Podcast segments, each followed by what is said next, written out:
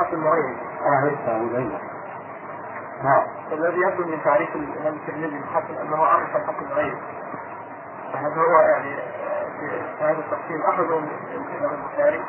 هو يعني لأنك تلتقي مع أستاذنا هنا أنت في هذا. وقد سبق أن أجبت عن هذا. الترمذي عنده نوعان من الحديث الحسن. أحدهما لحسن ذاته والآخر لحسن غيره. فيبدو من كلامك أن الترمذي ليس عنده حديث حسن إلا الذي تعدد طرقه كما سمعنا آنفا. لكن عرفت شيئا وفاتت عنك أشياء. منها أن الترمذي عنده حديث حسن ذاته وذلك يفهم أولا من تعريفه بالحديث الحسن غيره في آخر الكتاب. ثم من تعابيره في التحسين. فإذا قال هذا حديث حسن فهو الذي أنت تعنيه وإذا قال هذا حديث حسن غريب فهو الحسن ذاته. فإذا ليس من الضروري يكون البخاري يعني بالحسن الحسن لتعدد الطرق واضح؟ تفضل أريد أن أسأل أولا يعني إذا تذكرون أو كيف أيهما أعلى طبقة يعقوب بن شيبة من الإمام البخاري فإنه سبق أن يعقوب بن شيبة أنه استعمل لفظ الحسن كثيرا حتى في مسبه الذي طبعت منه قطعة يعني كثيرا ما كان يقول هذا حديث حسن وهذا حديث حسن وما شابه ذلك. هذا مش مهم على كل حال لأنه الأستاذ هنا ذكر يعني غير البخاري يحيى بن معين وعلي بن المديني وعلي بن المديني وعلي بن المديني شيخ كما تعلم البخاري. المهم أن الترمذي لم يتفرد بهذا الاستعمال بل هو مسلوق لكن هو يحكي عن شيخه في بعض الأحاديث أنه قال حديث حسن. ولذلك قول ابن تيمية ابن الترمذي هو الذي قسم هذا بالتقسيم. إن كان باللفظ كما دققنا آنفا قسمه فلا بد من تأويل كلامه أو أشهر هذا التقسيم. وإن كان بغير هذا اللفظ فيمكن تفسيره أوضح. شيء آخر أستاذي طالما أن هذه القطعة يعني قطعة صغيرة من مسند عمر يكون استعمال لفظ الحسن مرات عدة يعني تتذكر 15 مرة.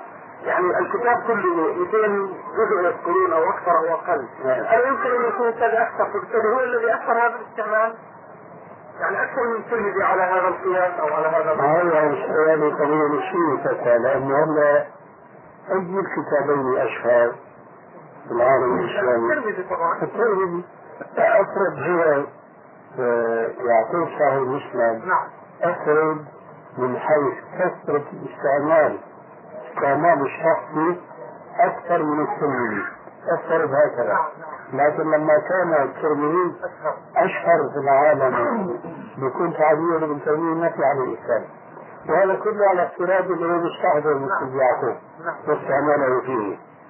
شيخنا كلمة أشهر. سبحان الله ألا يظهر أن الأولى أن أولها على أنه هو الذي حد القاعدة وليس مجرد إطلاق الاستعمال.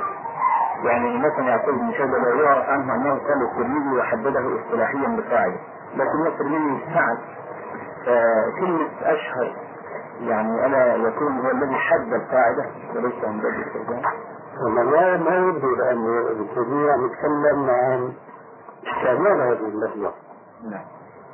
فما يبدو أنه يعني هناك التعريف والتحديد. لا. أعلم نعم. إذا ربنا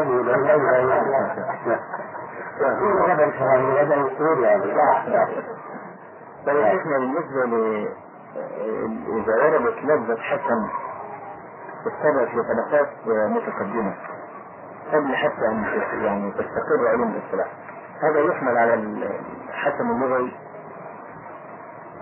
لا الأصل الحسن الإصطلاحي فإذا ضاقت علينا السبل إلى الحسن اللغوي يعني أنا وقفت الإمام الزهري حدث بحديث فقال هذا حديث حسن جدا.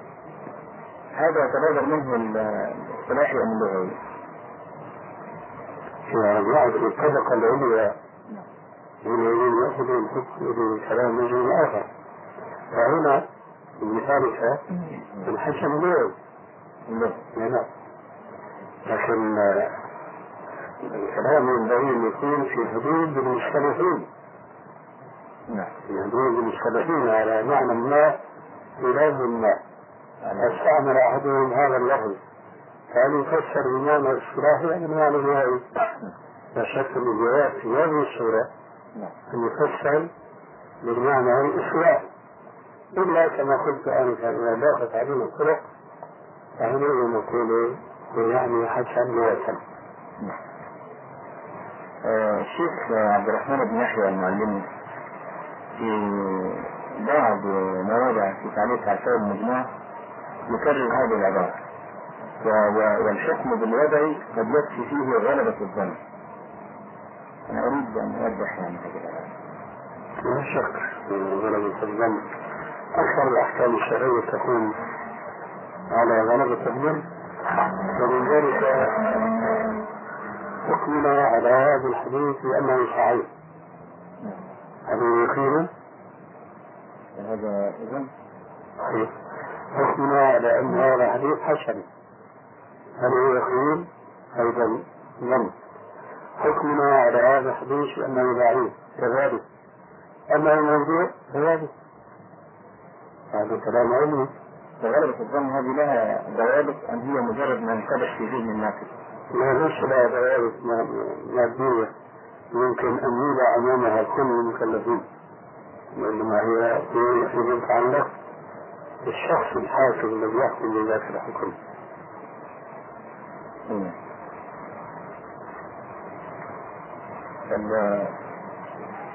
حديث صلاة الليل والنهار مثنى مثنى آه، أنتم صححتم هذا الحديث. صححتم هذه الزيادة. وهو بعض ال- الذين يرون الرأي المخالف مع الإمام أبي داود والترمذي يقولون لا يظهر أن هذه زيادة يعني البحث هنا هل هذه زيادة أم هو شذوذ؟ لأن الفرق بينهم عسير جدا.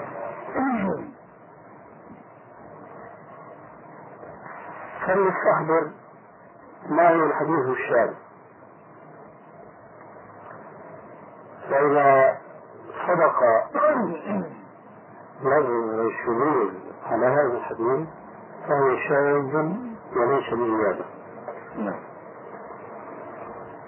ومعلوم أن الشذوذ هو أن يخالف الثقة غيره ممن هو أحفظ منه أو أكثر عددا منه. كأن يكون ثقة يروي حديثا ثم يأتي ثقتان يزيدان عليه. لكنهما ليس في الضبط كالأول. لكن الأمر كما قيل لا تحارب بناظريك فؤادي فالعيتان يهزمان قوية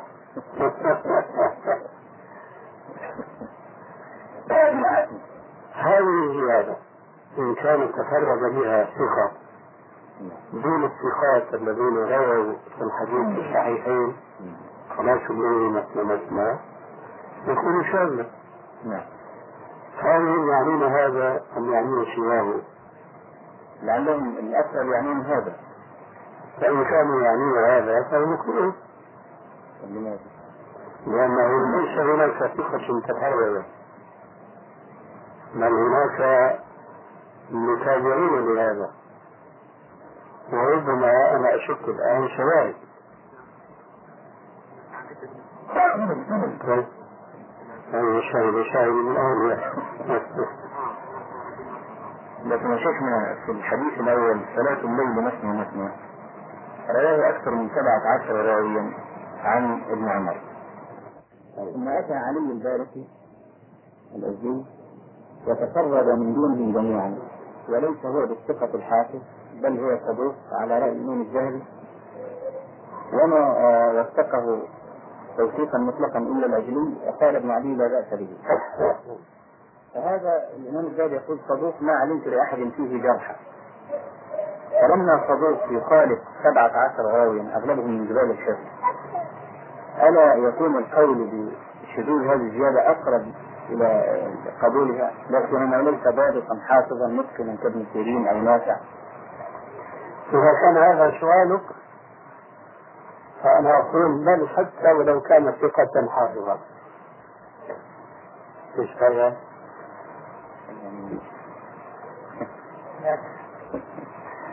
أنا بقول نعم. أنت بتقول إن هذا قيل فيه صدوق وكذا نعم. فهو ليس بالضابط الحافظ المعروف. نعم. أنا بزيد عليك وأقول حتى لو كان ضابطا حافظا ما دام أنت عرفت الصورة في هذه الكيفية يكون شاذا حتما لكن هذا الأمر كذلك أنا يعود شوي.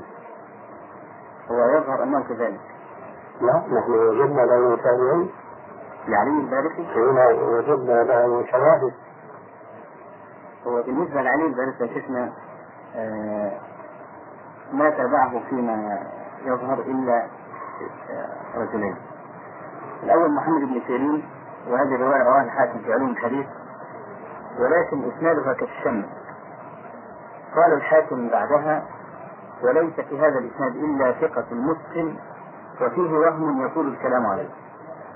ومما يدل على أن هذه الرواية غير معتبرة أنها خفيت على الحفاظ مع شهرتها وإسنادها هذا الكلام كلامه ولا هذا حاشا من عنده صار هو في حسب الآن الحديث شبهة وأدرجة فمدرج. وال... وال... والمتابع الآخر هو العمري عبد الله العمري عند الطبراني في الأوسط ومعروف الأمر ضعيف. فدول فقط فيما يتصل بالحديث المرفوع. بعد البحث ثم اللي تابعه الأزدي عليه. أما تحقيقك فعجبا منك. من أين تستطيع أن تقول فقط؟ ألا تقول فيما وقفت؟ هذا نعم. أنا قلت لك آنفا أنه متابع وبالطبع أنا قديم عهد البحث في هذا الحديث لكن بقيت الوقت في ذهني. أنه متابع من غيره ثم ذكرت آنفا له شواهد فيما أذكر. فوجدني صاحبنا. وقلت وشاهد شاهد من أهل نعم. فها أنت بحثت فيما يتعلق بالمتابع بالمتابعين. وهم اثنان فيما علمت. نعم. أما أنا فما أستعمل الآن. هما اثنان هما واحد هما أكثر. لكن كلهم له له متابعين فلم تدندن حول الشواهد.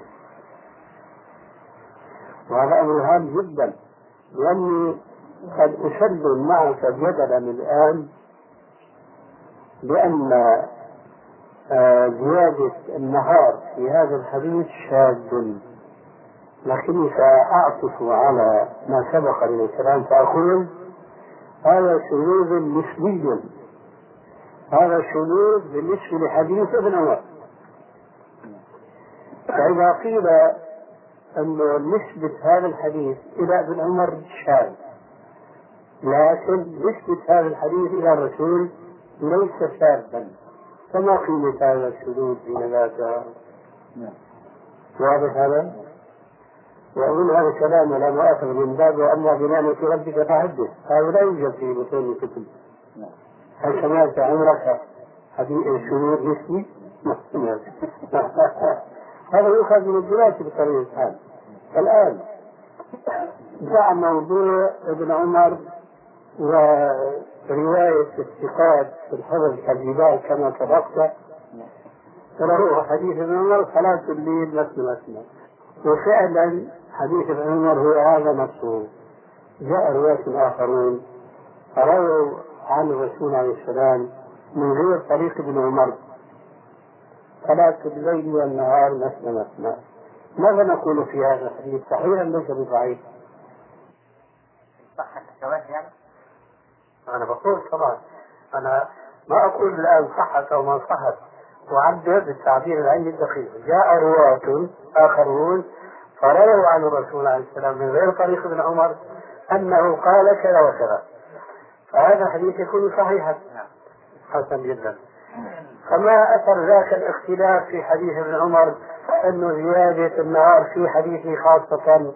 هل هي محفوظة أم هي شاذة؟ لا يؤثر في صحة الحديث هذا. لكن من قال هذا صحيح عن ابن عمر عن رسول الله يناقش تلك المناقشة. ثم ماذا يهمنا إذا نسب ناسب ما؟ إلى ابن عمر حديثا ما. ابن عمر لم يروه. لكن الرسول حدث به وتلقاه أصحاب الآخرون عنه. فبعض الرواة نسبه لابن عمر. وابن عمر ما عنده خبر. نحن بهمنا صحة نسبة الحديث إلى الرسول عليه السلام. لكن لا يهمنا أبدا أن الحديث صح من طريق ابن عمر ولا أبو عمر. ما بهمنا أبدا. إذا القضية فيها شيء من الدقة آه، لا يعني تلاحظ في المصطلح مصرحا بها وإنما في تخاريج بالأحاديث. آه، إذا لنقول هذا الحديث أو هذه الزيادة الشاذة ويعني ذلك أنه لا يجوز لنا أن نقول قال رسول الله صلى الله عليه وسلم صلاة الليل والنهار مثنى مثنى لا يجوز لنا أن نقول هذا إلا بعد النظر في الشواهد الأخرى. الشواهد الأخرى الآن أتنزل من الدعوة السابقة. فآتي بمثال واحد فقط. أقول افترض معنا أن هناك حديثا بذاك اللفظ الشاذ عن ابن عمر روي بإسناد حسن عن أبي هريرة أو عن غيره من الصحابة قال قال رسول الله صلى الله عليه وسلم صلاة الليل والنهار مثنى مثنى. ألا يحتج بهذا الحديث؟ الحمد لله فإذا بقي علينا ندرس الشواهد.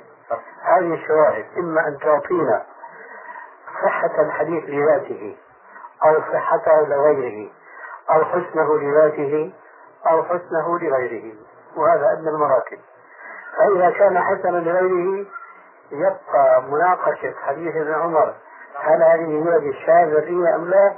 مناقشة الشكلية لا ثمرة لها. لعلي أوضحت ما في نفسي. نعم. لكن لو لم يصح شاذ فالحكم بشذوذ هذه الزيادة أولى. لا هذا ينبغي إعادة النظر في في المتابعين للبارقي أظن الأسى عبد الله. علي بن عبد الله. نعم. نعم. خلص على كل حال. يبقى النظر. في في أشخاص المتابعين لعلي بن عبد الله هذا. فإن كانوا ثقات وعددا وجمعا ليس من الضروري ها هنا الآن أن تتساوى يعني يتساوى العدد. فأنت ذكرت آنفا عددا ضخما ما شاء الله. كم هو؟ 17 17 راويا ليس من الضروري أن يكون لأنه اتفاق ثلاثة أربعة على زيادة وهم يعني المفروض أنهم ثقات آه، لا يقبلوا الذهن المهم ولا أعتقد في هذه الحالة وأنا أبالغ الآن في التصوير ليتجلى المعنى الذي أريد أن أبينه. هناك سبعة عشر راويا ثقة رووا الحديث على الجادة المطروقة صلاة الليل مثنى مثنى.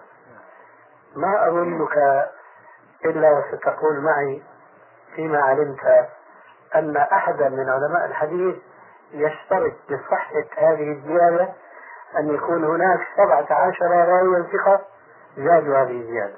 فلو نقص واحد فما يقولون بصحتها فيما تظن يقولون وهكذا نزل ما شئت من الأرقام حتى تصل إلى العدد الذي تطمئن إليه النفس. السلام عليكم. خمس دقائق فالحمد لله يعني صح له ما لم يصح لغيره وهذا إن شاء الله دليل على حسن نيته وسريرته. تفضل. كنا نتحدث عن زيادة الثقة والحوص بينه نعم. الحقيقة أن هذه المسألة أولا فيها دقة وثانيا هي مسألة خلافية بين علماء الحديث وعلماء أصول الفقه. آه، علماء أصول الفقه يتبنون في أصولهم وليس في تفريعهم وتطبيقهم. قبول زيادة الثقة مطلقا. سواء كان مساويا لمن زاد عليه أو كان دونهم ثقة وعددا فزيادة الثقة في هذه الأصول مقبولة على هذا الإطلاق. وليس كذلك عند علماء الحديث. علماء الحديث إنما يقبلون زيادة الثقة إذا لم يخالف من هو آه، أحفظ منه أو إذا كان المخالفين له أو المخالفين له أكثر عددا منه. في هذه الحالة هذه الزيادة يأخذونها وهي التي يطلقون عليها لفظة الشذوذ أو الحديث الشاذ. وكما يذكرون عن الإمام الشافعي أنه قال ليس الحديث الشاذ أن يروي الثقة ما لم يروي غيره وإنما الحديث الشاذ أن يخالف الثقة من هو أوثق منه. ولعله قال أو أكثر عددا منه وإما قاله فعلماء الحديثين يقولون هذا. ولذلك تختلف النتائج اختلافا جليا بين هؤلاء وهؤلاء. فأولئك حينما يرون زيادة الثقة يقولون زيادة الثقة مقبولة. ولو كان المخالفون كما قال أستاذنا سابقا كانوا الجبال حفظا. زيادة الثقة مقبولة. أنواع الحديث يقولون لا. هي الثقة لما تقبل بالشرط الثالث أن يكون زاد على مثله. أما أن يزيد على من هو أحسن منه أو على من هم أكثر عددا منه فهذه الزيادة تكون شاذة. وأذكر أنهم ذكروا في المصطلح كمثال قيل فيه إنه شاذ وهو حديث عبد الله بن عمر بن الخطاب رضي الله عنهما. قال فرض رسول الله صلى الله عليه وسلم صدقة الفطر صاع من طعام أو شعير أو أو صاع من تمر. ثم قال على كل حر أو عبد من المسلمين. الزيادة هذه من المسلمين في الحديث لا توجد في كل طرق الحديث. والذي آه، عرف واشتهر بذكر هذه الزيادة في الحديث هو الإمام مالك. فذكروا أن بعضهم أعلها بالشذوذ وبدعوى أن الإمام مالك تفرد بها. وكاد علماء الحديث يمشون على هذا لولا أن بعضهم أوجد له متابعين. وبهذه المتابعات نجت هذه الزيادة من الحكم عليها بالشذوذ هذا مثال مذكور في المصطلح وبخاصة في اختصار علوم الحديث الذي عليه الباعث الحديث في عام التاسع رحمه الله ويوجد الإنسان في أثناء مطالعته لكتب أئمة الحديث آه، نماذج كثيرة جدا جدا لهذه الزيادة التي هي من نوع الحديث الشاذ. وأنا أذكر مثالا لم أره لأحد من قبل سوى أن شيخ الإسلام ابن تيمية ضعف الحديث دون أن يبين السبب وهو قوله عليه الصلاة والسلام في الذين يدخلون الجنة بغير حساب ولا عذاب وجوه كالقمر ليلة البدر.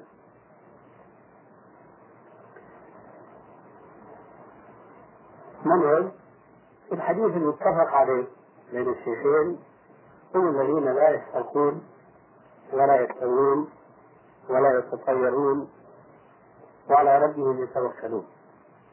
هكذا رواه البخاري ومسلم في الصحيحين. لكن في رواية مسلم نفسه قال هم الذين لا يرقون ولا يسترقون. هم الذين لا يرقون ولا يسترقون.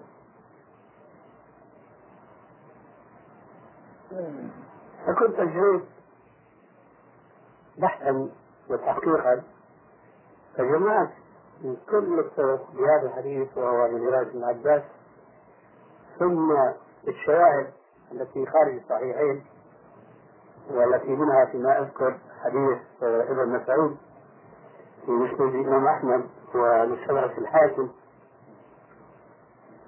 فوجدت كل طرق الحديث الأول حديث ابن عباس والأحاديث الأخرى التي منها حديث ابن مسعود لا يذكرون زيادة هم الذين لا يرقون. وإنما يتكفون على قولهم هم الذين لا يسترقون. وبعد هذه الدراسة وهذا كان منذ قرابة 25 سنة. آه، جزمت بأن زيادة لا يرقون شاذة.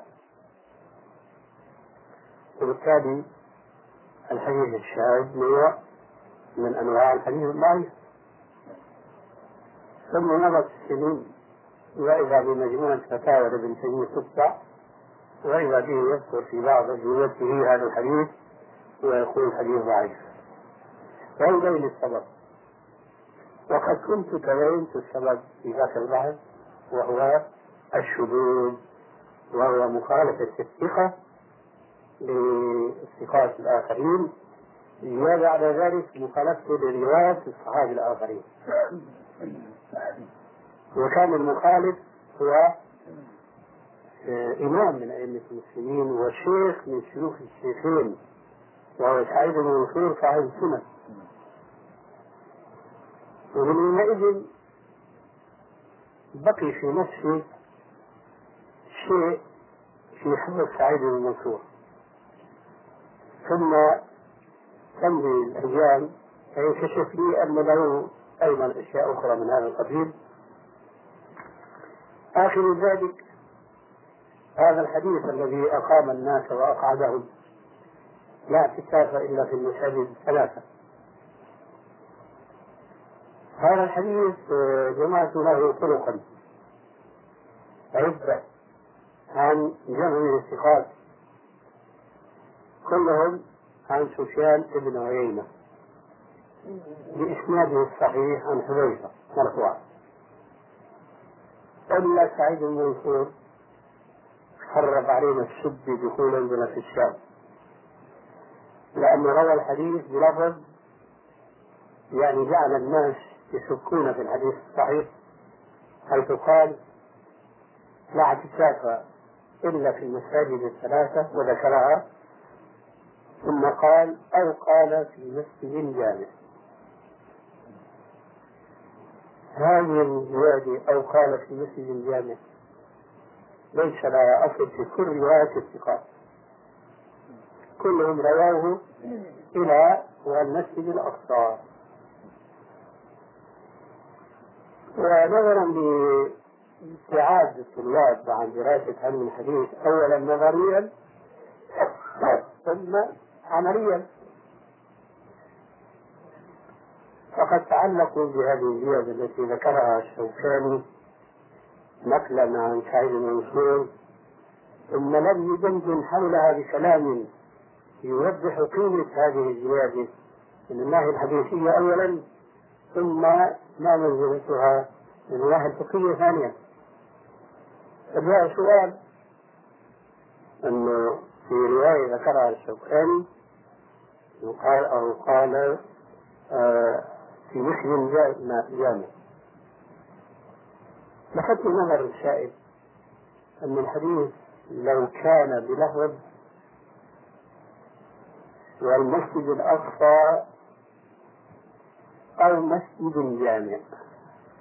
لو كانت الرواية هكذا كان يمكن أن يتشبه بها بعض الناس لتجويز الاعتكاف في مسجد جامع غير هذه المساجد الثلاثة. لكن يقف في طريق مثل هذا الاحتجاج أمران اثنان.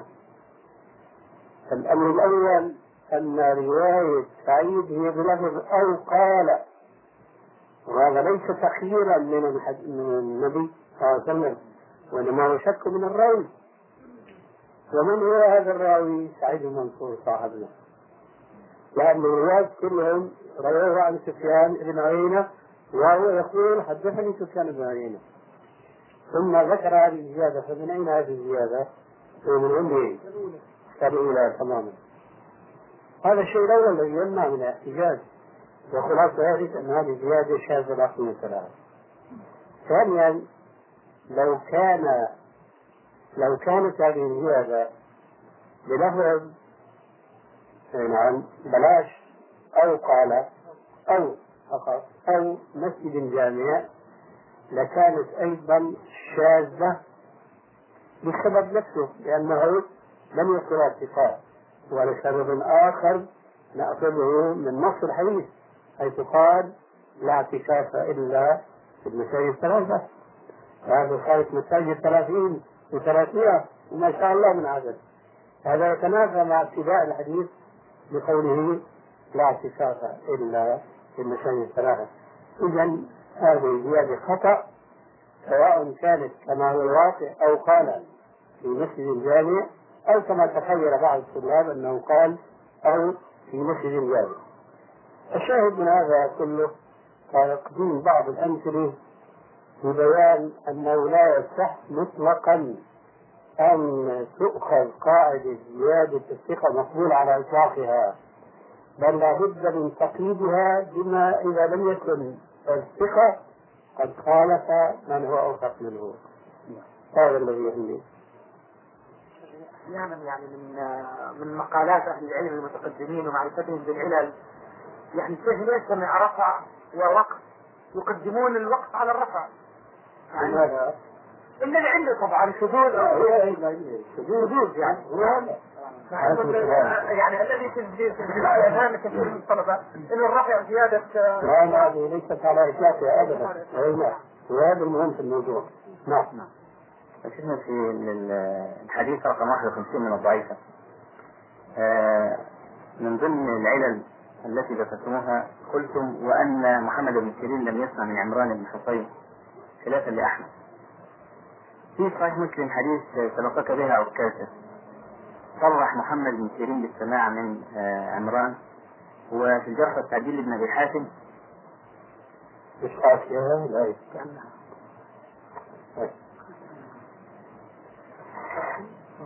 نعم. وفي الجرح والتعديل لابن هذا الآن أوقف شوي لأنه تدرس درس ما بيسمعه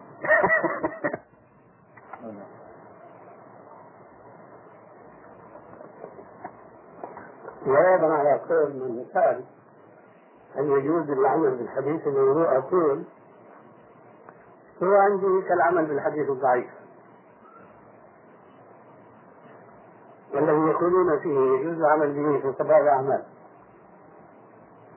وأنا أقول لا فرق بين الحديث الضعيف وبين الحديث الموضوع من حيث الجواز بهما كليهما في سبع الأعمال. ذلك لأن العمل بالحديث الضعيف كما يقولون في قضاء الأعمال إن كان فضل الأعمال ثبت بالحديث الضعيف فلا يجوز العمل به لأنه أثبت حكم شرعيا أما إن كان فضل العمل ثبت بغيره فحينئذ يجوز العمل بالحديث الضعيف فيه لأننا لم نثبت به حكما شرعيا. وحينئذ لا فرق بينه وبين حديث موضوع أي نعم. لأن هذا حديث موضوع ما أثبتنا به شيئا. كنا في كما يقولون جاء الثواب الذي فيه. فإن كان حقا فجاء ما كان حقا ما تضرر من شيء. ليه؟ لأنه منا بحكم شرعي ثابت لغيره أنت نادم بشيء من هذا في أهوائكم الأولين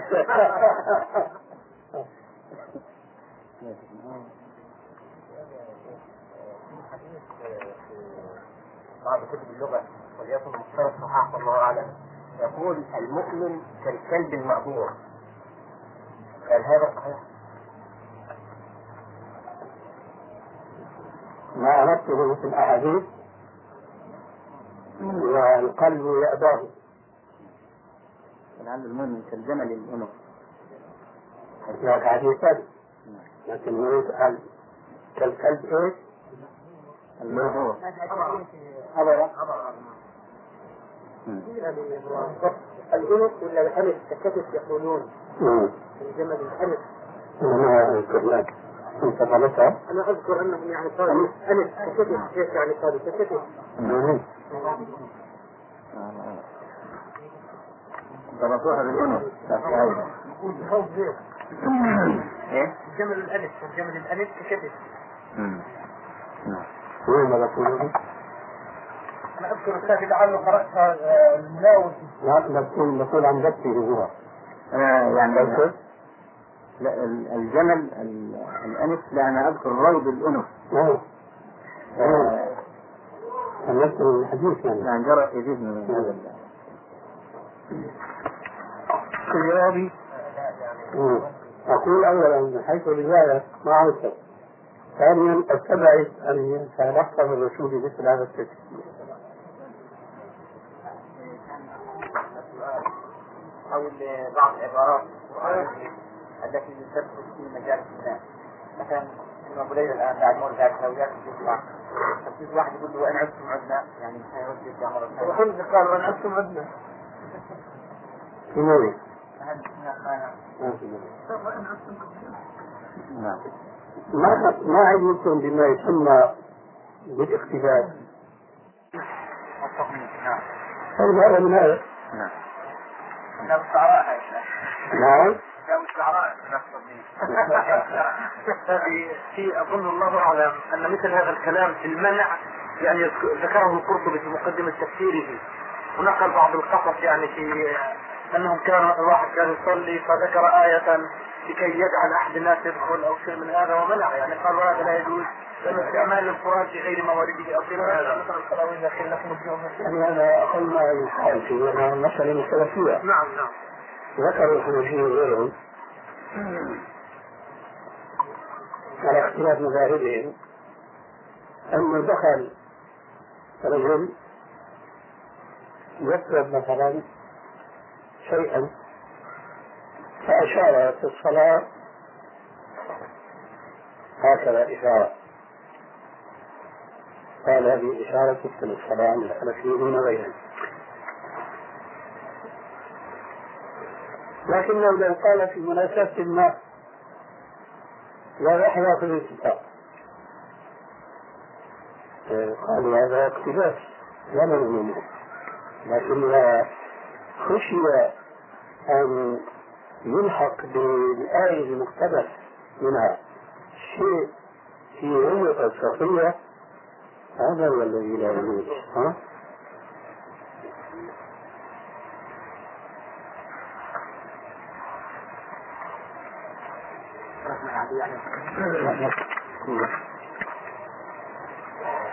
بعد الاستئذان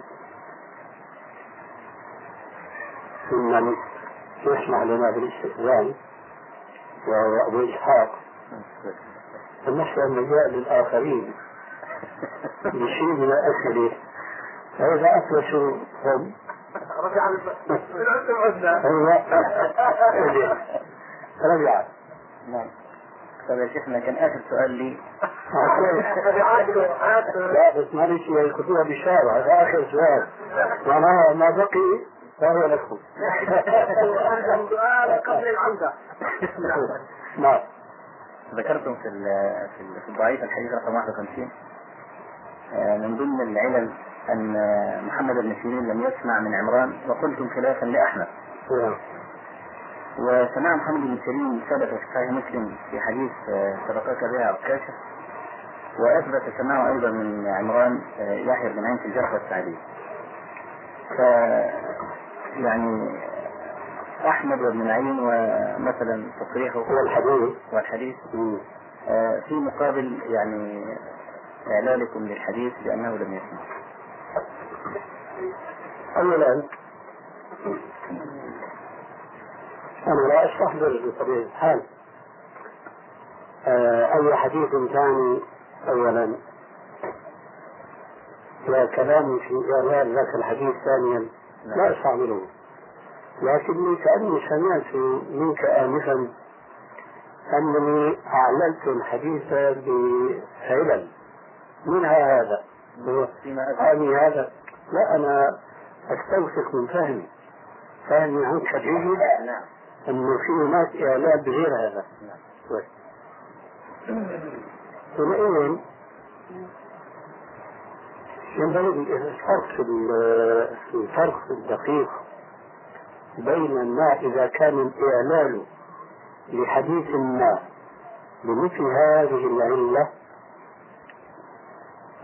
وبين ما إذا كان ضميما إلى علل أخرى نعم في الحالة الأولى لا يصح التمسك بهذا الإعلان لتضعيف الحديث. لأن الحالة حينئذ تقتضي بحثا خاصا في هذه العلة التي تمسك بها الجارح للحديث. ليرجح قول النافين للسماع أو المثبتين له. آه. حديث إن الله يحب عبده المؤمن الفقير المتعفف أبا العيال.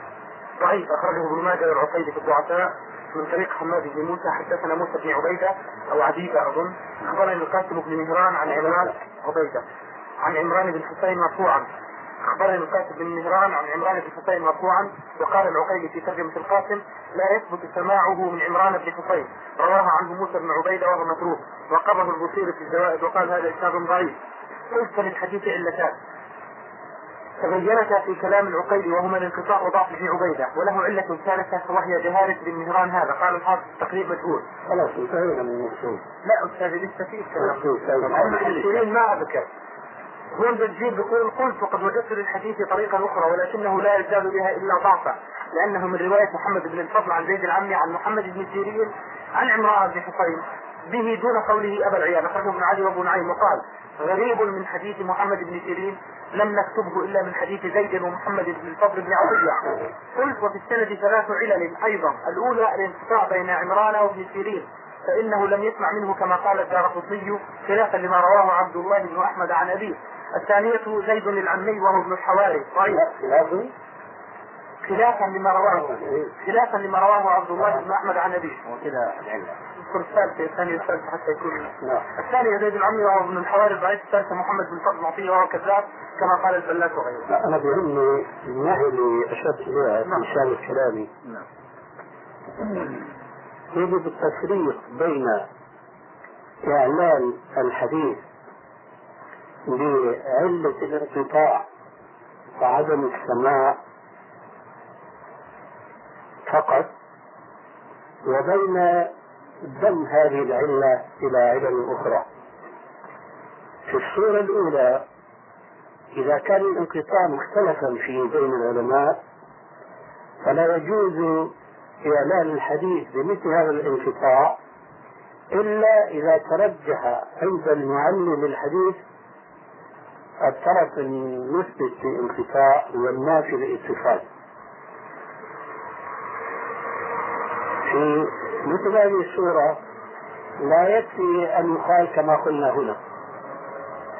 لكن لما بيكون الحديث له علل أخرى وهي أوضح وأقوى من الأولى وهذا يعود بنا إلى الصورة التي نقلتها عن بعضهم سابقا أنه الأولى إعلان الحديث بالأعلى قلنا نحن هذا ليس مضطربا نعم. ولا يجوز إطلاقه. وهذا مثاله الآن. وهنا ثلاث علل العلة العليا هو الانقطاع المختلف فيه. ثم العلة الأخرى. لو ثبت الاتصال لم يثبت الحديث. نعم. لو ثبت الاتصال لم يثبت الحديث. لذلك الباحث في مثل هذه الصورة لا ين... لا ينشط ولا يندفع ليحقق قول الدار قطني هو الراجح الصحيح أم قول أحمد الذي خالفه. ولذلك فلا يقال أنت تقول مثلا يعني أنت تقول بأن ابن سيرين لم يسمع من عمران بن حسين وكيف هذا وفي صحيح مسلم كذا وكذا؟ لا يقال لأني لم أكن مستشهدا أو مستدلا على ضعف هذا الحديث بهذا الانقطاع. لو كان الأمر كذلك يرد علي ما ما تقول بأن ابن سيرين لم يسمع من عمران بن حسين وكيف هذا وفي صحيح مسلم كذا وكذا؟ لا يقال لأني لم أكن مستشهدا أو مستدلا على ضعف هذا الحديث بهذا الانقطاع. لو كان الأمر كذلك يرد علي ما ما صورت غالبا وقد تقول أنت الآن إيش رأيك؟ بقول لك ما عندي رأي. لأني لو لو كان عندي رأي كنت صرحت هنا لما حكيت القولين بقول وقول الدار قطني هو راجح بالإضافة إلى هذا وهذا واضح كبيان أنه لا يلزم أنا بأن أقول بأن يقال لي كيف علمت الحديث الانقطاع وقد ثبت سماع ابن سيرين في صحيح مسلم. لا لأن أنا ما كان اعتمادي على هذه العلة وإنما ذكرتها وذكرت الخلاف فيها. لكني سأقول قولا. سورة. سماع ابن سيرين المعزوم سماع ابن سيرين من عنوان ابن حسين المعزوم صحيح مسلم. نعم. ترى هذا ثابت. وغير سؤال هنا لأنه لا يكفي وجود الحديث. الحديث ككل.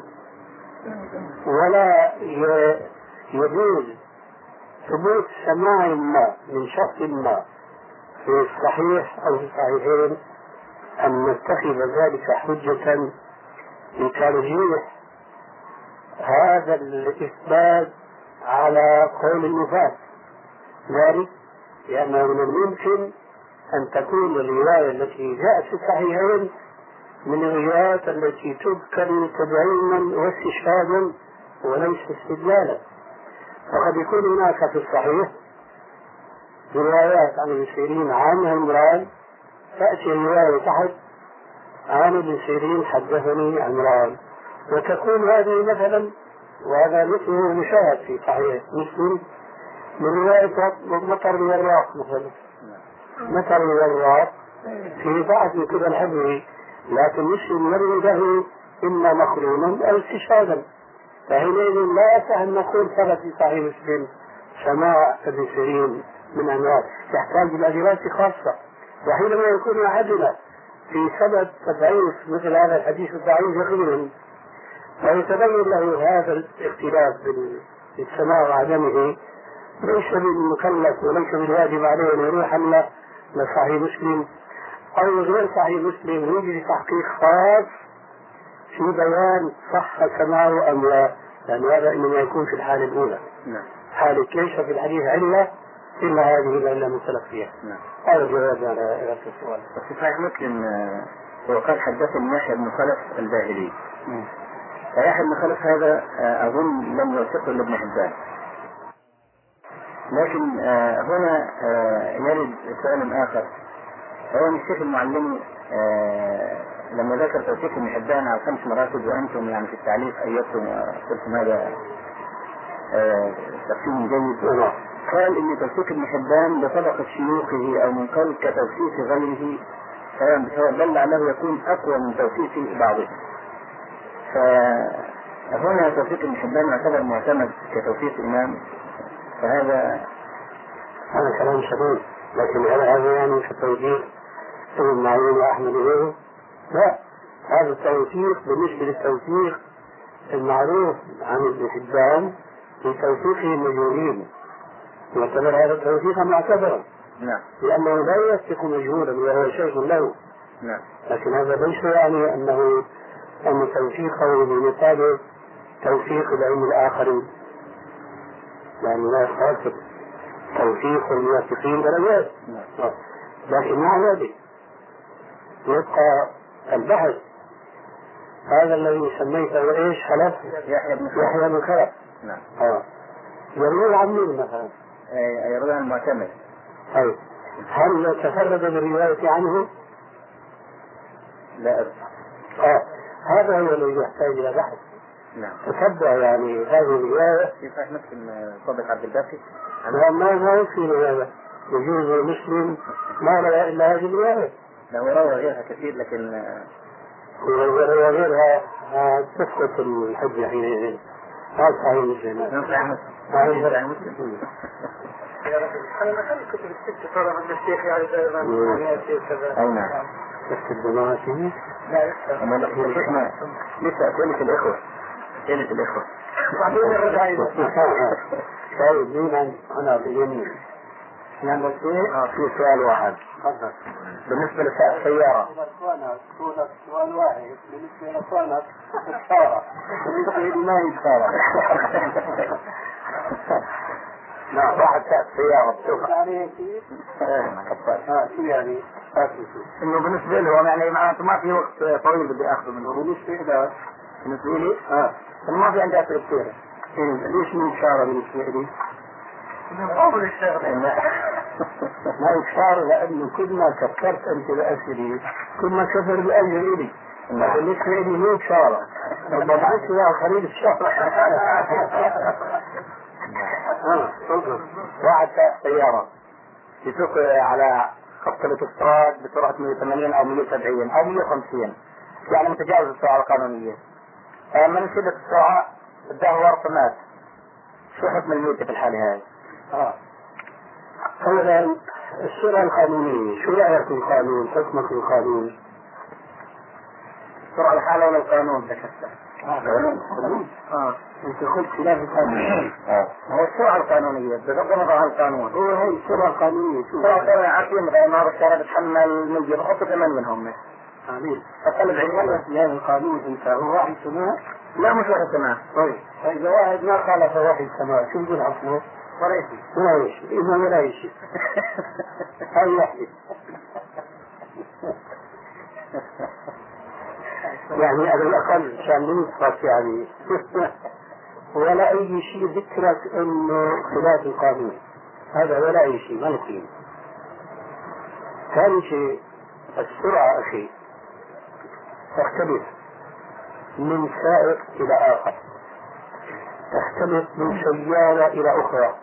ومن طريق إلى صح؟ إلى آخره. تختلف من كواشيك إلى كواشيك. يعني قد تسمي العجلات أو السفرات توجيه.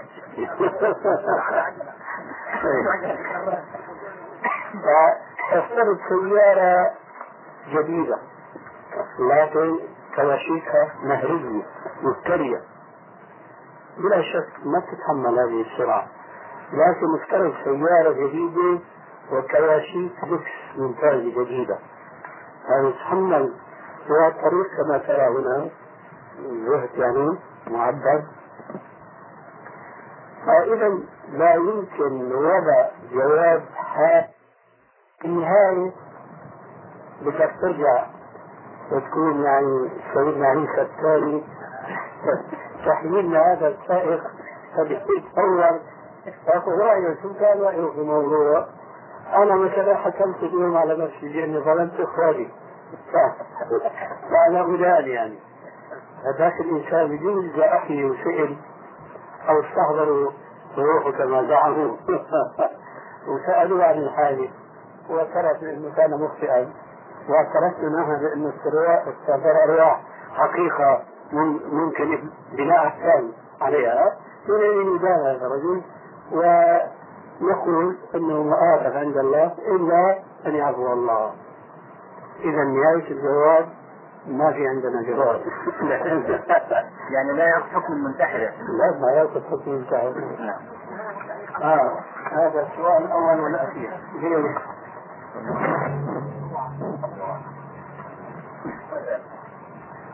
شيخ ما هو رأيكم في بيع الأجل؟ نعم لقد بحثت هذه المسألة بحثا حتى قضي الأجل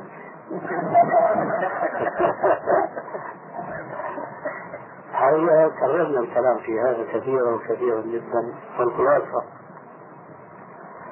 المتبادل من السؤال حتما ليس هو ما يبدو من اللفظ وإنما ما يكمن وراء اللفظ. لأنه أنا لو تمسكت بلفظك لقلت هذا خير من بيع النقد. هو الأجل. خير من بيع النقد. لكن المقصود الزيادة مقابل بيع الأجل. هذا هو المقصود. هذه الزيادة أنا لا أراها لسببين اثنين. أولا النص وثانيا الاستملاك والنظر الصحيح السليم.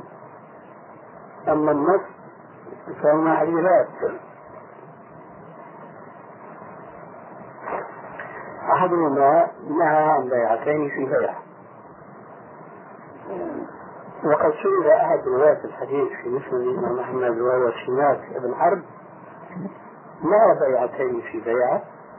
قال أن تقول أبيعك هذا نقدا بكذا ونشيئة بكذا وكذا.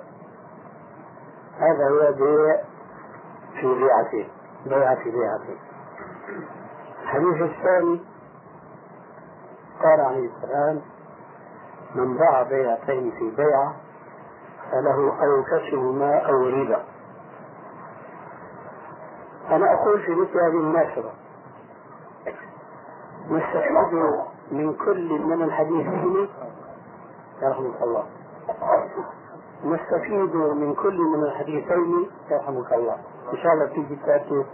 تسألوني بالمياه نستفيد من الحديثين فائدة يشترك في الدلالة عليها كلاهما معا. ثم نستفيد من كل من الحديثين ما لا يستفاد من الحديث الآخر. أما الفائدة المشتركة فهي النهي عن بيعتين ببيع أما الفائدة التي تفرد كل من الحديثين بها دون الآخر فمن الحديث الأول تفسير بيعتين في بيعة نفهم من الحديث الأول تفسير بيعتين في بيعة وهو أن تقول أبيعك هذه المسجلة نقدا بمئة كذا ونسيئة بمئة وكذا. إذا فهمنا هذه الفائدة من الحديث الأول لننظر ما هي الفائدة في الحديث الآخر حيث لا نفهمها في الحديث الأول. باعتبار الحديث الأول الزياد ربا أولا. وهذا صريح منه.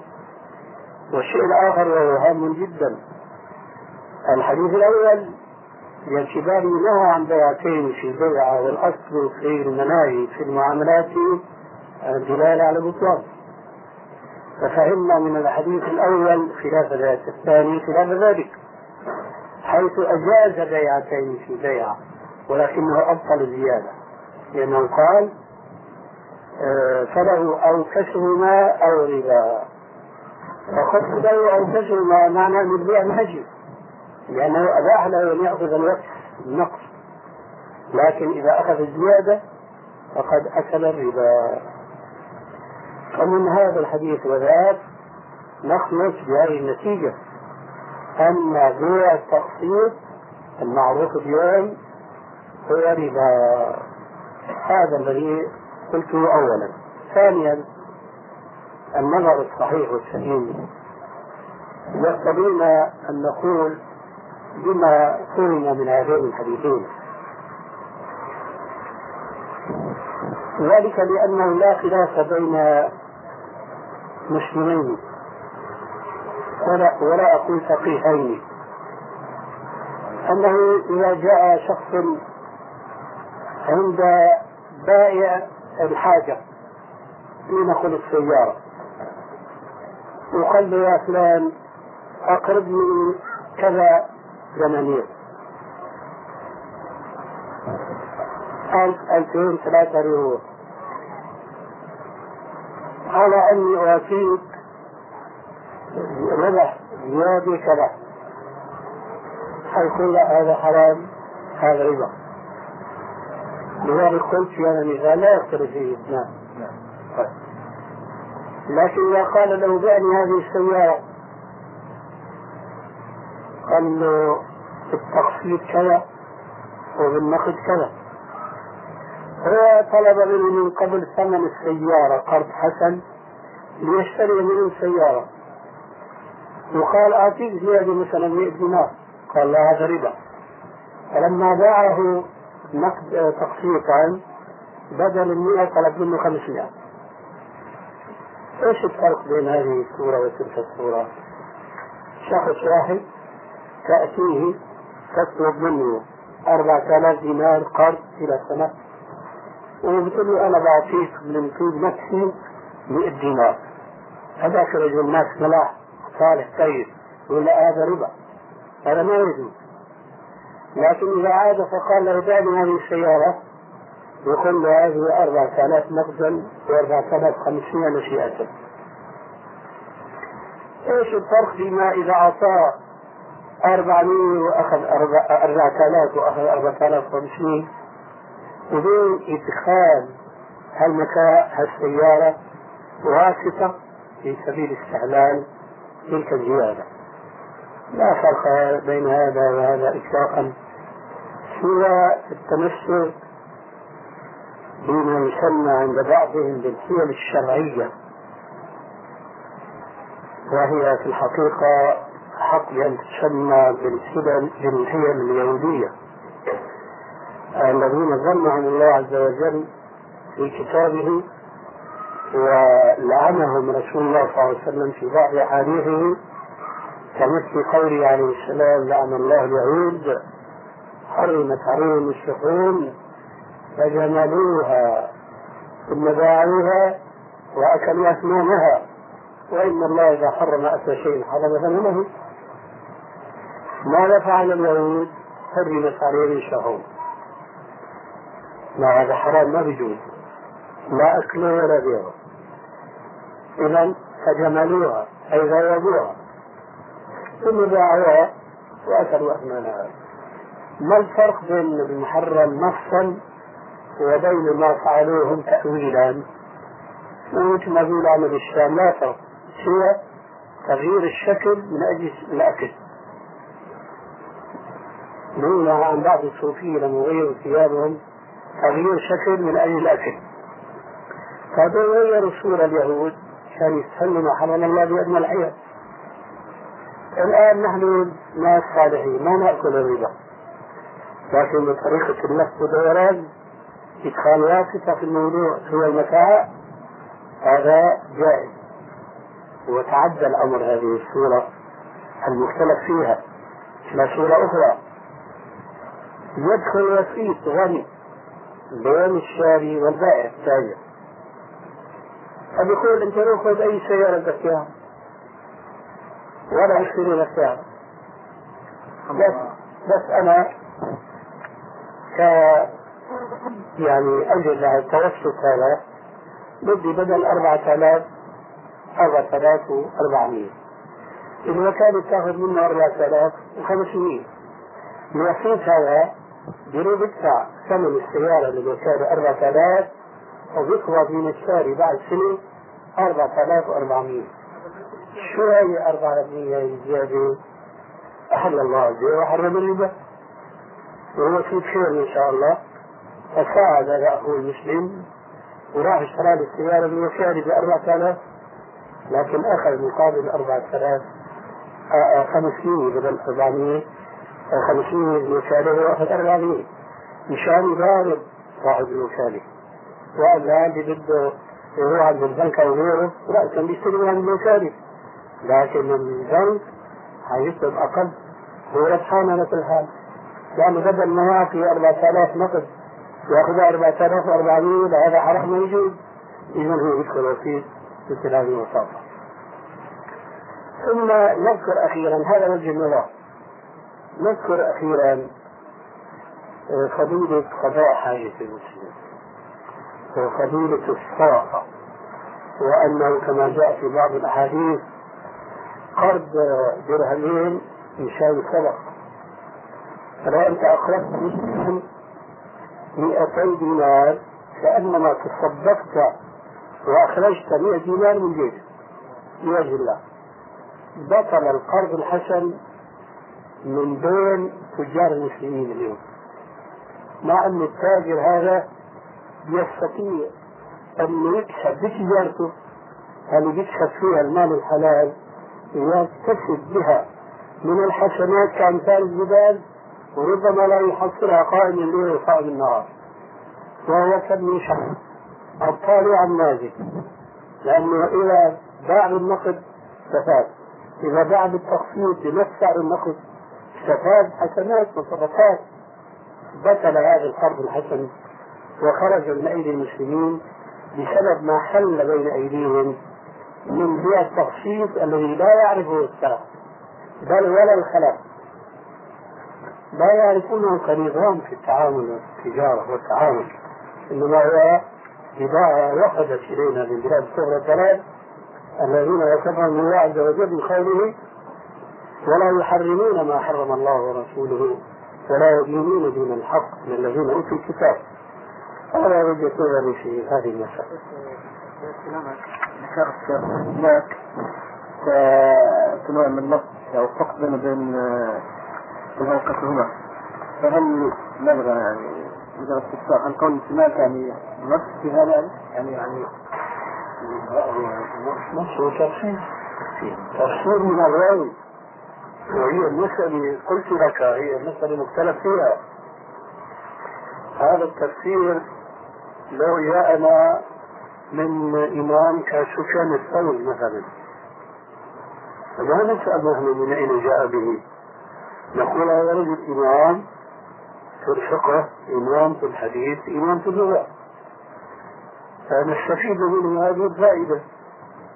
بضمير أن هذا التفسير له ما سبق مما يؤيده استنباطا ونظرا كثير من العلماء حتى في النهاية تجد هذا التفسير نهاية في غريب الحديث والآيات تجد هذا التفسير حتى في حديث ما عن بيع وسلف يقول ابن أبي أن هذا بمعنى بيعتين في بيع. وهو أن تقول أبيك هذا بكذا نقدا وبكذا وكذا بسياسة نعم؟ ابن أثير نعم. نعم. صح. في شيخنا أيضا من النسائي في الجزء الثاني من السنة. دور على حديثنا عن بيتين اتباعه قال باب النهي عن بيتين اتباعه وهو أن يقول أبيك هذه نعم نعم كثيرين. أنا سامحها لديني مكان يعني.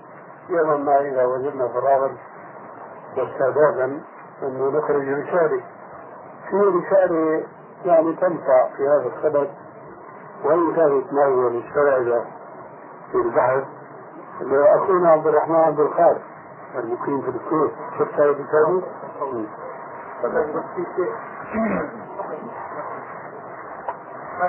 تفضل. أنا عندي سؤال آخر. نتكلم على الموضوع لا غير الموضوع. طيب تفضل الموضوع نفسه لازم بعض أهل العلم من مثل ابن القيم وغيره فيما أظن يعني يقول هذا تفسير بعيد إنما هو أقرب شيء إليه بيع العينة. فتفسيرنا عن بيعتين في بيعه هو بيع العينة نفسه. فيعني ما هو قيمة أو ما هي قيمة؟ هذا صوم وليس بيع يقول البيع بعد الكلام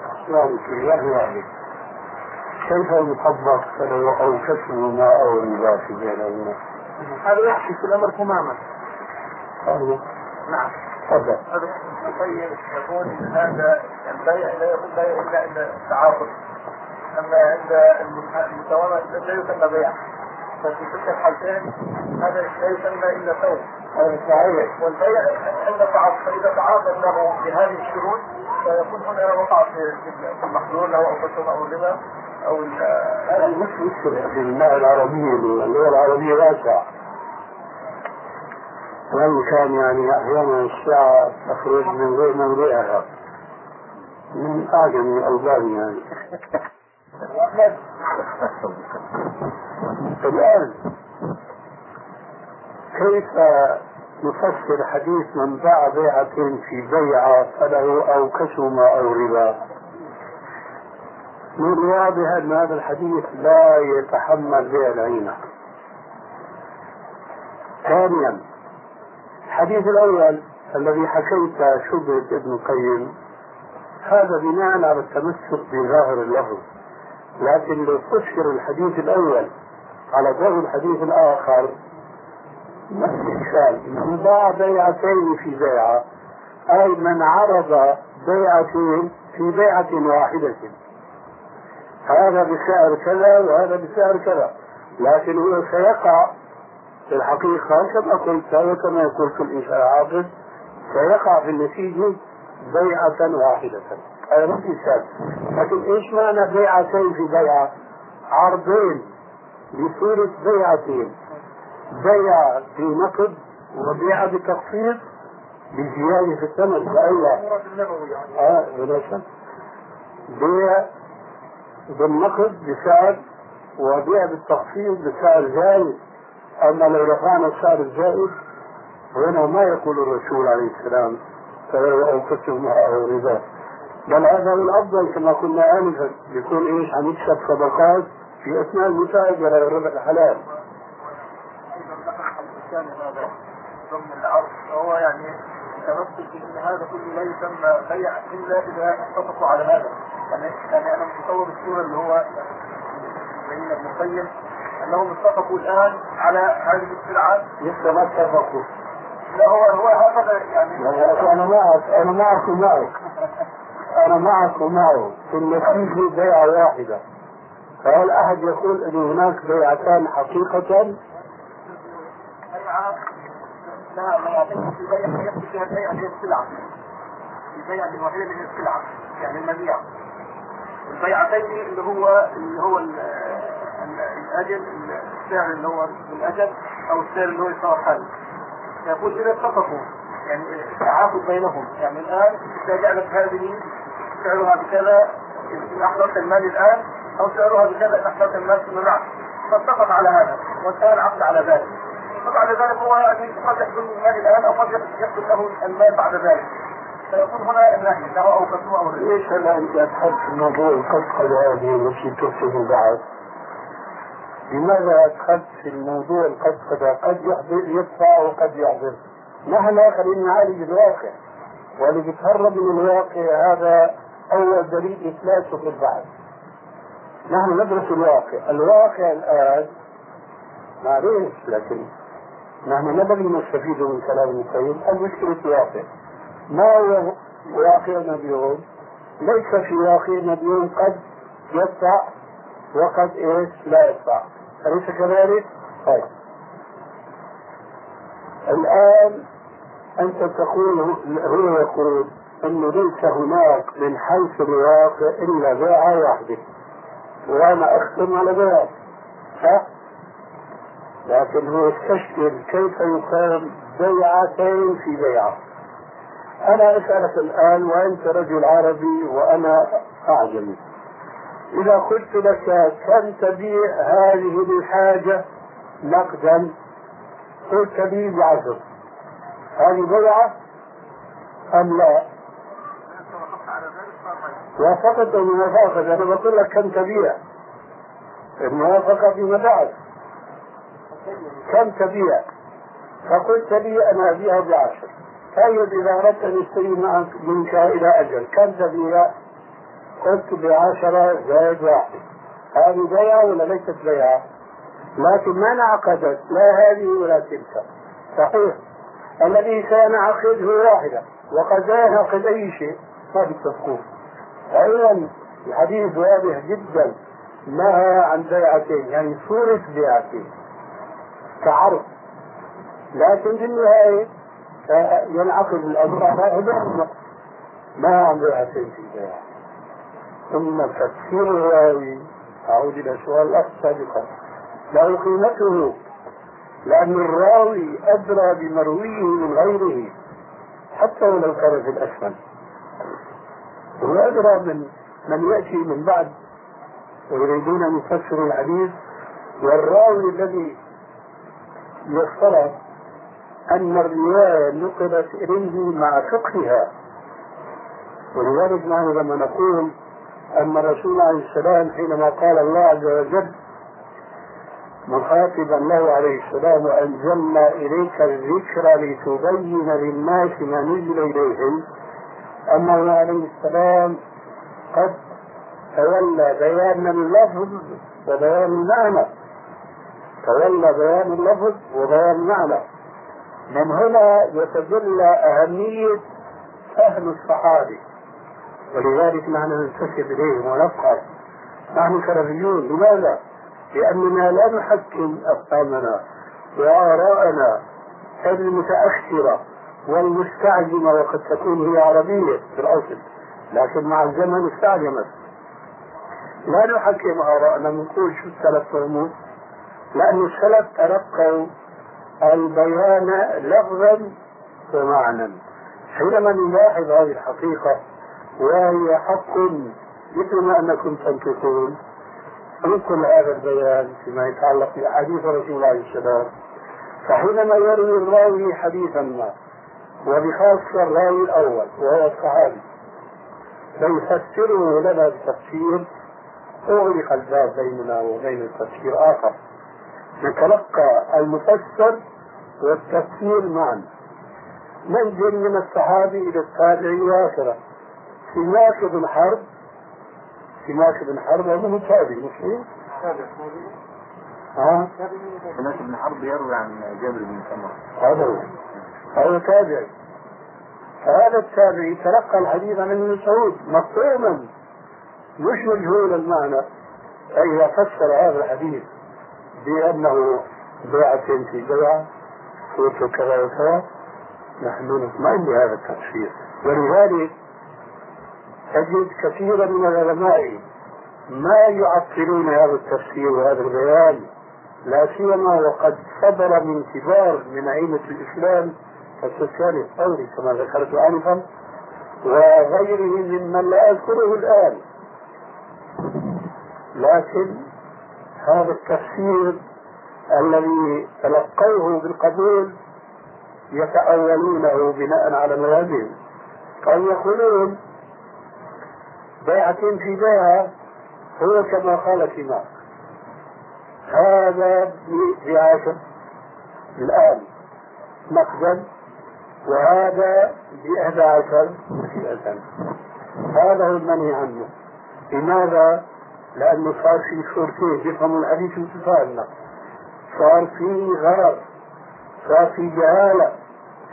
ما عرفنا يا ترى البيع وقع على السعر الأقل أم السعر الأكثر يعني على النقد أم على التقسيط بنوا على هذا الفهم وهو خطأ كما سأبينه. أنه لو قال له هذه تقسيطا بعشرة زائد 11 هذا يجوز. لماذا؟ لأنه ما ذكر السعر الآخر. ما عاد بقى في جهالة الموت أولا فهم الحديث بعلم جهالة الثمن المتردد بين الزائد والناقص هذا خلاف الواقع الذي يشهد به المتعاملين البائع والشاري معا لما؟ لأن, لأن الذي سيقع حين عرض بيعتين يعني سعرين في بيعة واحدة هو إما أن ينقذه وإما أن لا ينقذه. فإذا لم ينقذه وما إن نقذه فبعد ذلك وقع بيع نقد. وإن لم ينقذه معنى ذلك وقع بيع أجل. وبخاصة اليوم أن تكتب حقوق وتكتب مواد القبيلات إلى آخره. من يقول في جهاله في الثمن؟ إيش معنى هذا التعريف؟ هذا كما يقول النحاس لا محل له في الإعراب. أبدا. ثانيا من أين جاءوا بهذا التعليم من أصله وفصله والرسول يعلل بعلة أخرى يقول الربا. فله أو كسرهما أو ربا. فهو جعل الزيادة في الثمن ربا إذا إذا هنا إعلان بالاجتهاد يخالف الإعلان المنصوص عليه في الحديث وهذا باتفاق الجميع أنه إذا جاء الأثر بطل النظر وإذا جاء نهر الله بطل نهر معقل تفضل إيش عندك؟ بقول النبي عليه الصلاة والسلام لا يدع أحدكم على بيع أخيه. هل يتصور أن يكون البيع تم الصورة انتهت وجاء آخر ليبيع على بيع أخيه؟ أحسنت. خذها. لحظات قراءة طيب. طب طب يمكن توضيحها آه. يمكن توضيح كلام الأخوة. إيه لا موجود كلاهما. هذا إيه؟ يختلف يعني هذا. إيش يختلف؟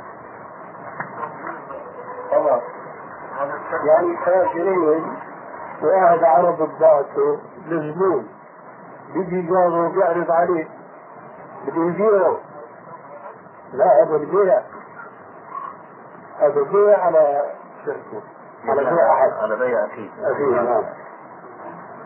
نعم. في الموضوع نفسه أيضا قاعدة يذكرها المالكية وأظن أو غيرهم. يقولون الزمن له ثمن. نعم يقولون بناء على قولهم بجواز طيب هل لها قيمة من حيث الدليل والبرهان؟ هذا كان دليل ينفذه دليل. قال في السؤال السابق. آه، لو أحد يعني التجار باع جزء من البضاعه كالجلباب. فدخل طبعا الزبون على المحل عندي وقال هذا عند المحل الآخر موجود مثلا خمس دنانير وعندك مثلا ب 11 دينار. أنا الآن بدي يعني الفت نظر للزبون هذا الفرق بين هذا وبين هذه البضاعة. أي نعم. يجوز هذا يجوز هذا لكن ما بيجوز هذا الكلام هي مناسبة. نحن نتكلم عن التصفيح البيع الاخير يعني أنا ترك كلمة البيع يعني لا الحياة تسجيل تاجرين نعم هذه شيء تقولنا نعم يشوف ذات الزبون فعرضت عليه الزاهد مش ضروري هذا الرجل انت عم تقول الزبون بيقول كذا وكذا الزبون بيقول كذا وكذا؟ نعم وين العارض بالشهر الثاني الصورة السبعة ما في أقول لا يدع أحدكم على بيع أخيه يعني هذا هو الجامع. علينا ما لك حق الأستاذ هنا. نعم نعم. يعني هو الأخ أبو ليلى لما قيل لا يدع أحدكم على بيع أخيه وأنتم ذكرتم أنه لا يجوز أن التضارب بين الرجلين في في تخفيض السعر حتى لا. يتضرر أحدهم. لا يتضرر لا يتدخل. البائع الثاني اللي جاء جار البائع الأول فيعرض بضاعته على الشاري أقل. بأقل من سعر حتى يسحب من نعم. من جاره إلى جنبه. هذا. هذه الصورة غير دي. قبل هذه الصورة منهي عنها؟ طبعا من هنا لحتى ينتصروا مثل خطبة مثل خطبة نعم. الصورة هذه باع على بيع آه. لكن أنا صاحب محل وعندي هذه بخمس دنانير ورجل آخر عنده هذه بمثلا 11 دينار طيب. أنا أخذتها مثلا من المنطقة الحرة تقريبا بدون جمارك مثلا.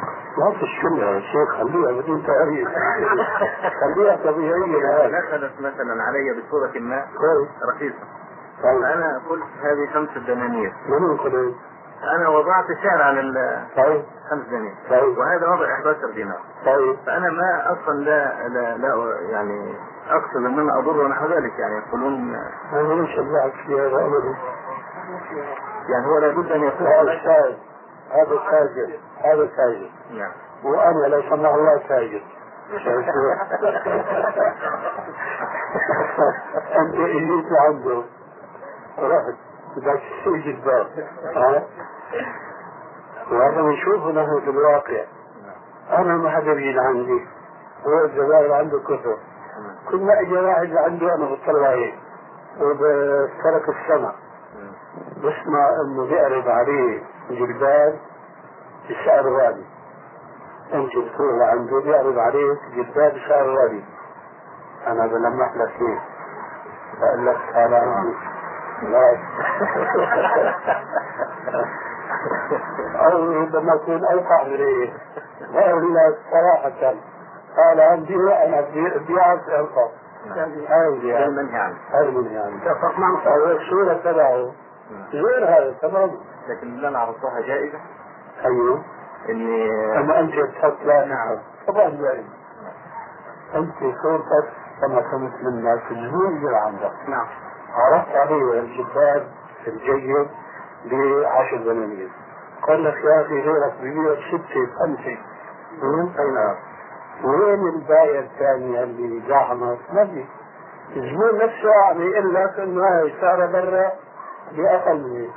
عمل على موضوع السعر لو كان معك هذا الجلباب اللي هذا هو الجلباب نفس الصورة لكن ما لها علاقة بيع بيع لا تبيع على بيع أخيك ما لها علاقة شوف لي زمان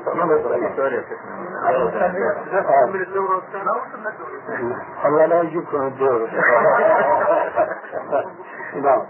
من الداخل يقول قرأت في كتاب عناصر القوة في الإسلام لشيخ سابق أن التصوف هو علم علم من العلوم الإسلامية وهو في حقيقة أمره وهو في الإسلام. لماذا تحتوي الكلام؟ هذا كلام رأي ووجهة نظر للشيخ سيد سابق. لا نراه صوابا لا من قريب ولا من بعيد. لأن إن كان المقصود بالتصوف هو يعني النواحي التي تسمى اليوم بالأمور الروحية وتصفية القلوب وإحسان السلوك ونحو ذلك فهذا هو من الإسلام من كتاب الله ومن حديث رسول الله. بينما التصوف أخذ مفاهيم عديدة. فما معنى يعني أن نفسر جانبا من الإسلام بالتصوف وهذا التصوف فيه ما فيه من أمور تخالف الشريعة. فإذا ما جوبها بها المنتمون إلى التصوف قالوا لا نحن ما نريد هذا إنما نعني نعني سلوك الأخلاق في تصفية الروح وإلى آخره. هذا في الحقيقة يراد به وهذه سياسة الجماعة الذين عرفوا من قبل بالإخوان المسلمين أنه ما يريدون أن يجابهوا المجتمع بما ينفرهم وهذا لا سبيل لأحد إليه يدعو إلى الحق لأنه لو كان هناك إنسان يستطيع أن لا يصطدم مع الناس جميعا فكان هو رسول الله صلى الله عليه وسلم فكيف ومن أسمائه الفارق؟ يفرق بين الحق والباطل والمحق والمبطل وبين الأب الكافر والولد المسلم وهكذا. هذه حقيقة إيه، بعض الناس يتغافلون عنها أو يتجاهلونها أو لا يعرفونها وأحلاها مر. والسلام عليكم. نعتقد يعني بحقوق بيحكي مسلم الربيع لا قيمة له إطلاقا. الربيع بن حبيب أي نعم. لكن يا شيخنا هل يجوز لك أن تخرج إلى الأسواق يعني تصطحب حاجات الأكل في والشرب حدود ما سبق إما للضرورة أو الحاجة بالأخطاء. وذلك طبعا معناه أنه إذا كان هناك من يقوم من أقاربها من زوجها من أخ لها من محرم لها يقوم بشراء هذه الحاجات فلا تخرج هي لأن الأصل أن تقر في بيتها ولا تخرج منه. فإذا لم يوجد فلا حول ولا. أما أن تتخذ ذلك عادة الرجال فصار الاختلاط أيضا في العمل وهذا لا يجوز.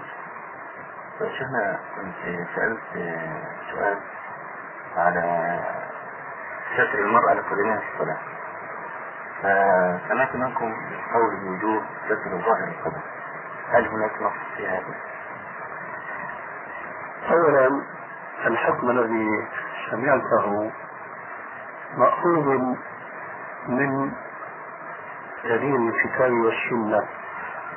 آه هذا الدليل الذي يوجب على المرأة أن تطيل ذيلها وذلك يستلزم تغطية قدميها ضرورة. ومن ذلك قوله تعالى ولا يضربن بأرجلهن حتى يعلم ما يخفين من زينتهن فهذا النص بغض النظر عن حديث جر الزين شبرا وشبرين. يقتضي أن عادة النساء المسلمات اللاتي أمرن بالحجاب كانت أن تطيل ليلها كانت المنحرفة منهن أخلاقية. لا تستطيع أن تبرز شيئا من قدميها ومن خلاخيل الموضوعة على قدميها لأنهما كانتا مستورين فأدبهم الله تبارك وتعالى أن فقال لهن أنكن إذا كنتن لا تستطيعن الحشر فلا تحتمن بإلفات نظر الرجال إليكن بأن تضربن بأرجلكن ليعلم ما تخفين من دينتكن فإذا عرفنا هذا وضممنا إلى ذلك حديث المعروف من أمر الرسول عليه السلام بأن تطيل ذيلها شبرا ثم شبرا آخر فهذا معناه أن المرأة كلها عورة. وأنه لا يجوز لها أن ترجع في صلاتها شيئا منها يعني من العورة فإذا ستر القدمين هو واجب وكشف ما كشف العورة أما باطن القدم فأمر بديهي أنه مغطى في في حالة كون المرأة قائمة أو مثلا جالسة جلوسا عاديا فإذا سجدت المرأة وانكشف شيء من باطن قدمها هذا أمر غير مكلف فيه. المرأة أن تتكلف وأن تحرص كل الحرص لكي لا يبدو منها باطن القدم فمن هنا قلت ما قلت فيما سبق. نعم ولكن أنا يعني يظهر من المرأة جر الزيت هذا في حالة خروج المرأة. في حالة صلاة في قارنة فيها في حجرة المظلمة حسن هو كذلك. لكن ما لازم ذلك؟ أليس لازم ذلك أن ورحمة الله وبركاته وقدميها من العورة فيما يظهر للناس مثلا نعم في الشارع. طيب لكن إن كانت تصلي في قاع بيتها وحدها فإذا أبدت شيئا من ذراعها في صلاتها ما حكم ذلك؟ ثم أعرف الجواب فما دليل ذلك؟ هو دليلي أنا واضح؟ نعم ولا يحتاج إلى بيان يعني حبذا لو يعني أقول ليس عندنا آه، أدلة لنقنع كل شخص حسب علمه أو جهله حسب تقواه أو هواه ما في عندنا دليل خاصة لكل جزئية من